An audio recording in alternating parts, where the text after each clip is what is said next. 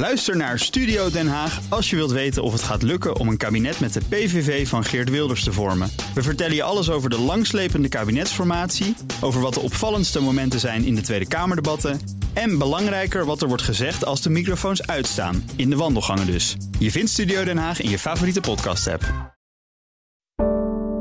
Een goedemorgen van het FD. Ik ben Luc van den Berg en het is woensdag 28 juni.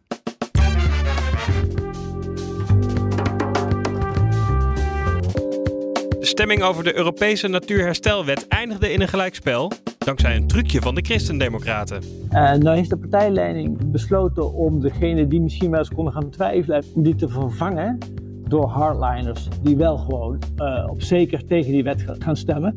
De aandeelhouders van DSM Firmenich zien de koers dalen en het inkomen van de CEO stijgen. Want de CEO De Vreese die krijgt er 61% bij volgens de plannen.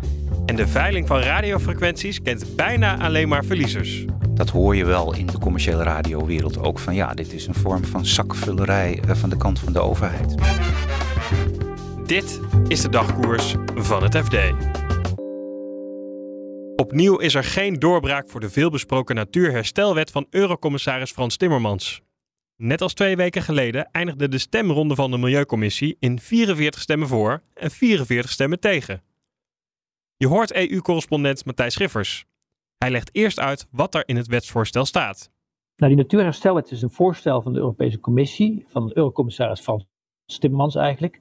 Hij maakt onderdeel uit van het hele klimaatbeleid van de EU. Uh, de gedachte is dat een gezonde natuur mee kan helpen om de gevolgen van klimaatverandering uh, op te vangen. Bijvoorbeeld doordat gezonde bossen kan, kunnen CO2 opslaan, gezonde veengebieden ook.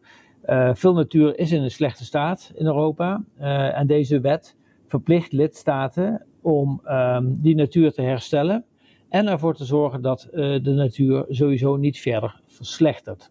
Ja, nu zijn er binnen die commissie voor- en tegenstanders. Nou, die zijn dus ook, ook, ongeveer gelijk. Wat zeggen die dan over dit plan? Uh, de tegenstanders zijn uh, als de dood dat dit soort wetten ervoor zorgen dat allerlei bouwprojecten niet door, door, kunnen gaan en dat boeren minder ruimte krijgen om, om hun activiteiten te ontplooien. Eigenlijk zoals we in Nederland ook al zien met de stikstofcrisis. Uh, de voorstanders zeggen nee, uh, dat is allemaal uh, flauwekul. In, die wet, in dat wetvoorstel staat dat bijvoorbeeld projecten als windmolens enzovoort vooral gewoon door moeten kunnen gaan. En dat je rekening kunt houden met, met sociale omstandigheden en, bevolkingsdichtheid, et cetera, in, in lidstaten. Dus ehm, die wet is, is daar geen beletsel voor. En het allerbelangrijkste is dat deze wet boeren niet belet bij hun activiteiten, maar juist voor zorgt dat ze uh, vruchtbare grond uh, zullen hebben, zodat ze in de lengte der dagen uh, ons, aan ons voedsel kunnen voorzien. dus dat is de discussie die er gaande is. Nu begrijp ik dat dit gelijkspel ook tot stand is gekomen omdat er een soort wissel is geweest van de leden in die commissie. Hoe zit dat precies? Ja, dat is inderdaad de discussie van de dag. De grote wisseltruc die de Christen-Democraten zouden hebben toege, toegepast om hun verzet uh, tegen deze natuurherstelwet uh, te, te verstevigen. Kijk, er zitten 88 leden in die, in die Milieucommissie. Uh, daarvan zijn er 22 uh, van de Christen-Democraten, van de Europese Volkspartij. Daar zit ook het CDA bij en de ChristenUnie. Niet al die 22 uh, EVP'ers zijn even stellig in het afwijzen van die wet. Nou heeft de partijleiding besloten om degene die misschien wel eens konden gaan twijfelen, om die te vervangen door hardliners die wel gewoon uh, op zeker tegen die wet zijn, uh, gaan stemmen. En dat mag blijkbaar bij zo'n milieucommissiestemming. En dus zeggen mensen die dan deze stemming beoordelen, zeggen ja, het is eigenlijk, die is eigenlijk gemanipuleerd, die is niet zo heel veel waard. Straks tijdens de, de, de stemming in de plenaire bijeenkomst van het Europarlement, dus het voltallige Europarlement, dan kan die truc niet. Dan zit iedereen gewoon daar en dan kan iedereen stemmen zoals hij dat zelf wil. En dan zul je zien dat die wet het alsnog gaat halen. Is dat ook jouw verwachting, dat dat gaat gebeuren? Nou, het zal ook afhangen van wanneer die stemming in die plenaire vergadering precies gaat plaatsvinden, denk ik. Um, de, de voorstanders willen dat gewoon in juli doen, al snel, in Straatsburg. De tegenstanders uh, die zeggen van, nou, uh, we moeten dit gewoon nog wat verder voor ons uitschuiven.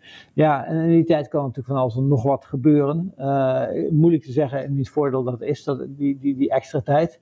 Wat wel zo is dat uh, de lidstaten, die hebben natuurlijk ook nog wat over te zeggen. Je hebt het voorstel van de commissie en vervolgens moet het parlement er iets over zeggen en de lidstaten. De lidstaten hebben vorige week, na veel vijven en zessen, wel een akkoord bereikt over de natuurherstelwet. Weliswaar een afgezwakte vorm van het voorstel dat eh, Frans Timmermans heeft gedaan een jaar geleden, maar ze hebben nu dan toch een meerderheid achter die wet weten te scharen. Nederland is een bijzondere plek, uh, heeft, bekleedt een bijzondere plek in deze discussie. Want Nederland heeft ook bij die vergadering van de lidstaten tegen de wet gestemd. Ook tegen die afgezwakte vorm ervan. Dus voor Nederland is, de, is de hoop dat het Europarlement er ook niet mee instemt of nog verdere afzwakkingen weet te bewerkstelligen. Morgen zitten de beleggers van DSM Firmenich bij elkaar tijdens de eerste aandeelhoudersvergadering in Basel. En het nieuwe fusiebedrijf is al weken een van de grote verliezers op de beurs. Redacteur Landbouw en Voedselketens Maureen Blankenstein vertelt hoe hard de koers van het bedrijf schommelt. Eind 2021 piekt het aandeel nog op uh, historische hoogte van uh, 200 euro. En anderhalf jaar later is daar nog maar 94 euro van over. En um, dat zijn dus echt flinke verschillen. Ja, waarom? Er spelen wel echt meerdere dingen tegelijk voor DSM Firmenich. Dus aan de ene kant hebben we gewoon al tijd echt uitsluitend slecht nieuws op de korte termijn, uh, vertellen analisten ook. Dus allereerst duurde de fusie met de Zwitserse producent uh, in smaak- en geurstoffen, die duurde langer dan verwacht. Verder heeft ook Firmenich een paar mededingingswaakhonden achter zich aan.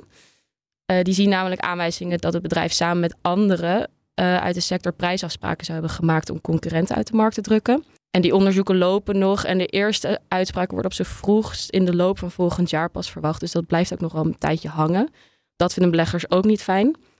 En de vitamineprijzen zijn de afgelopen tijd flink gedaald. Dat komt door minder vraag en meer aanbod. En een analist die ik sprak, die denkt dat daar op z'n vroegst pas in 2024 een beetje verbetering in zal komen. Terwijl DSM denkt echt wel dat het al in de loop van dit jaar die prijs bij zal trekken. Dus ja, dat ziet er gewoon op de korte termijn allemaal niet zo heel goed uit. Terwijl ik, als ik zo van buiten kijk, denk van nou, twee bedrijven die gaan fuseren, die hebben straks een sterkere positie juist. Maar die koers daalt toch sterk. Ja, maar dat denken analisten ook zeker. Dat het op de lange termijn staat DSM Firmenich juist sterk voor in de sector. Terwijl meerdere bedrijven het dus eigenlijk wel lastig hebben, denken ze dat DSM en Firmenich elkaar echt goed aanvullen. We hebben aan de ene kant DSM die veel vitamines en uh, in voeding produceert. Dus DSM is bezig met het gezond maken. En Firmenich zou eigenlijk, even heel plat geslagen, dat dan ook lekker kunnen maken. Lekkere geur en lekkere smaak. Maar voor nu is het vooral belangrijk, vertelde een analist, dat ze gewoon snel ook echt die negatieve nieuwstroom kunnen omdraaien. Want ja, het enige wat echt bewijst dat die fusie het ook echt gaat doen, is beter resultaat. Ja, en hoe doen zij dan ten opzichte van concurrenten? Want ja, die hebben met dezelfde marktomstandigheden te maken. Maar ja, die hebben niet zo'n fusie achter de rug. Nee, dus nee, die hebben het ook niet makkelijk. Zo heeft Croda, een Britse collega, begin deze maand ook een winstwaarschuwing af, uitgegeven. Die noemde vooral de naebbende gevolgen van de COVID-pandemie nog. En ook de afnemende vraag als oorzaken. Dus ja, het is niet alleen deze Firmenich inderdaad. Morgen is dan de eerste aandeelhoudersvergadering van dit nieuwe fusiebedrijf. Waar moeten we dan op gaan letten? Uh, ja, dat is de eerste die dan dus in Basel is, van eigenlijk het nieuwe bedrijf van DSM Firmenich. En daar staat onder andere op de agenda het beloningsbeleid. Want de CEO De Vreese die krijgt er 61% bij volgens de plannen. En uh, ja, een kleine blik op wat al grote spelers hebben gezegd, of grote aandeelhouders hebben gezegd, is ook wel dat dat beleid uh, wel goedgekeurd gaat worden. Er zijn nog niet echt revoltes die ik heb kunnen ontdekken. Maar um, ja, we gaan het zien bij de aandeelhoudersvergadering morgen.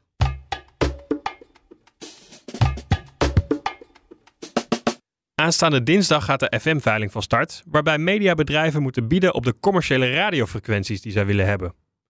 Dat had al lang geleden moeten gebeuren, maar om uiteenlopende redenen, waaronder corona, werd de veiling meermaals uitgesteld. Redacteur Technologie en Innovatie Jeroen Piersma legt uit waarom er nu toch een veiling komt. Het enige probleem was dat er deze keer een partij was, namelijk Kink, uh, waarvan de directeur uh, Jan Hogestein heet. Die heeft uh, geen FM-vergunning, die wil groeien met zijn radiostation. En um, die is toen gaan protesteren tegen het verlengen, heeft daar rechtszaken over gevoerd en heeft die vorig jaar gewonnen. En dus was het ministerie van Economische Zaken gedwongen om alsnog een veiling te organiseren.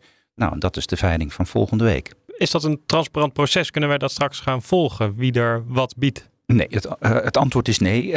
het is uh, een zeer niet inzichtelijk, niet transparant proces. Officieel weten we eigenlijk niet eens wie eraan deelnemen, omdat EZ dat gewoon niet bekend heeft gemaakt. En de partijen zelf het ook niet echt bekendmaken, omdat ze, uh, ze hebben allemaal een geheimhoudingsverklaring moeten ondertekenen in het kader van de veiling. Ik heb voor het, het verhaal wat ik er voor het FD over geschreven uh, uh, heb ook geen gebruik kunnen maken van de partijen die meedoen. Uh, ik heb me moeten behelpen met mensen die aan de buitenkant staan. Het is dus geen inzichtelijk uh, proces, maar we kunnen dus wel ongeveer op onze vingers natellen wie er meedoen. Dat zijn natuurlijk de partijen die nu een vergunning hebben. En naar verluid zijn er ook twee buitenlandse partijen geïnteresseerd. Ehm, en er is natuurlijk Jan Hogestein als nieuwkomer.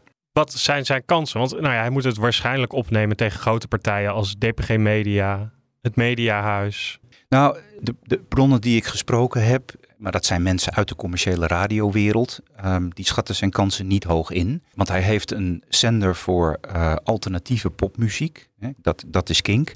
Daar valt niet verschrikkelijk veel geld mee te verdienen. Daar is niet een groot, hè, een groot publiek uh, voor voor populaire muziek. En die frequenties die, die zijn wel duur.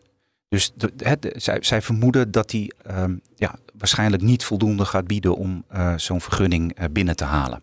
En daar zit natuurlijk wel een ironie in, want ja, hij is degene die het hele proces in gang heeft gezet. Uh, tegen de zin van uh, de meeste zittende partijen.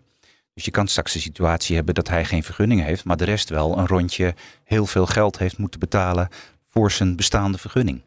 En dan is de overheid eigenlijk de enige winnaar van dit proces? Dan is de overheid uh, degene die uh, uh, ja, hier heel veel geld mee verdient. En dat hoor je wel in de commerciële radiowereld ook. Van ja, dit is een vorm van zakkenvullerij van de kant van de overheid. DPG Media, Mediahuis, FD Media Groep zelf doet ook mee. Hè? Ons, onze ja. evenknie in Radioland BNR hoort daar ook bij. Is er nog een kans denkbaar dat voor dat nieuwskavel, hè, die frequentie die speciaal voor nieuws gereserveerd is, dat daar een hoop vuurwerk komt? Ja, dat is niet uitgesloten. De veiling zit zo in elkaar dat um, als partijen uitgespeeld zijn bij een dure frequentie, ze eventueel kunnen switchen naar een goedkopere frequentie. Nou, die nieuwsfrequentie, dat is een uh, goedkope frequentie. Althans, het, startbedrag is gewoon 0 euro en dan begint het bieden. Um, dus dat, dat zou kunnen. Wat bovendien natuurlijk nog wel meespeelt, is dat er zijn twee grote nieuwsconcerns die uh, aan de veiling meedoen. Dat is Mediahuis en DPG Media. Het is niet uit te sluiten dat zij interesse hebben in nieuwsradio. Dus het, zijn, het is voor uh, de FD Media Groep en voor BNR is het uh, een buitengewoon spannende veiling. Wanneer weten we wie wat krijgt? Nou, dat is onderdeel van de ondoorzichtigheid. Dat weten we dus niet. Het begint um, op uh, dinsdag om uh, tien uur, zeg ik even uit mijn hoofd. Um, maar het is een meerrondenveiling. Um, als je zeg maar in de eerste ronde niet voldoende hebt geboden, kun je in een volgende ronde meer bieden. Uh, en dat kan een aantal dagen duren voordat er in alle, voor alle vergunningen winnaars zijn. En er is pas een winnaar als er een hoogste bod ligt en er zijn geen tegenbiedingen. Dus het kan een aantal dagen duren. Op het moment dat het duidelijk is, heb ik van EZ gehoord, dan uh, maken ze het nog diezelfde dag bekend. Dan komt er ook een persconferentie met de uitslag van de veiling.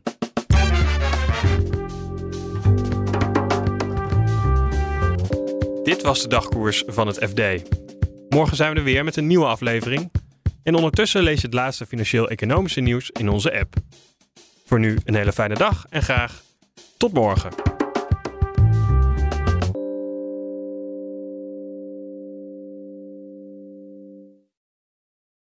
Ook Liesbeth Staats vind je in de BNR-app. Ja, heel handig. Luister live naar Kees en mij tijdens de Daily Move. Dan blijf je ook gelijk op de hoogte van breaking news en het laatste zakelijke nieuws. En daar vind je ook alle BNR-podcasts, waaronder de Perestrooikast. Download nu de gratis BNR-app en blijf scherp.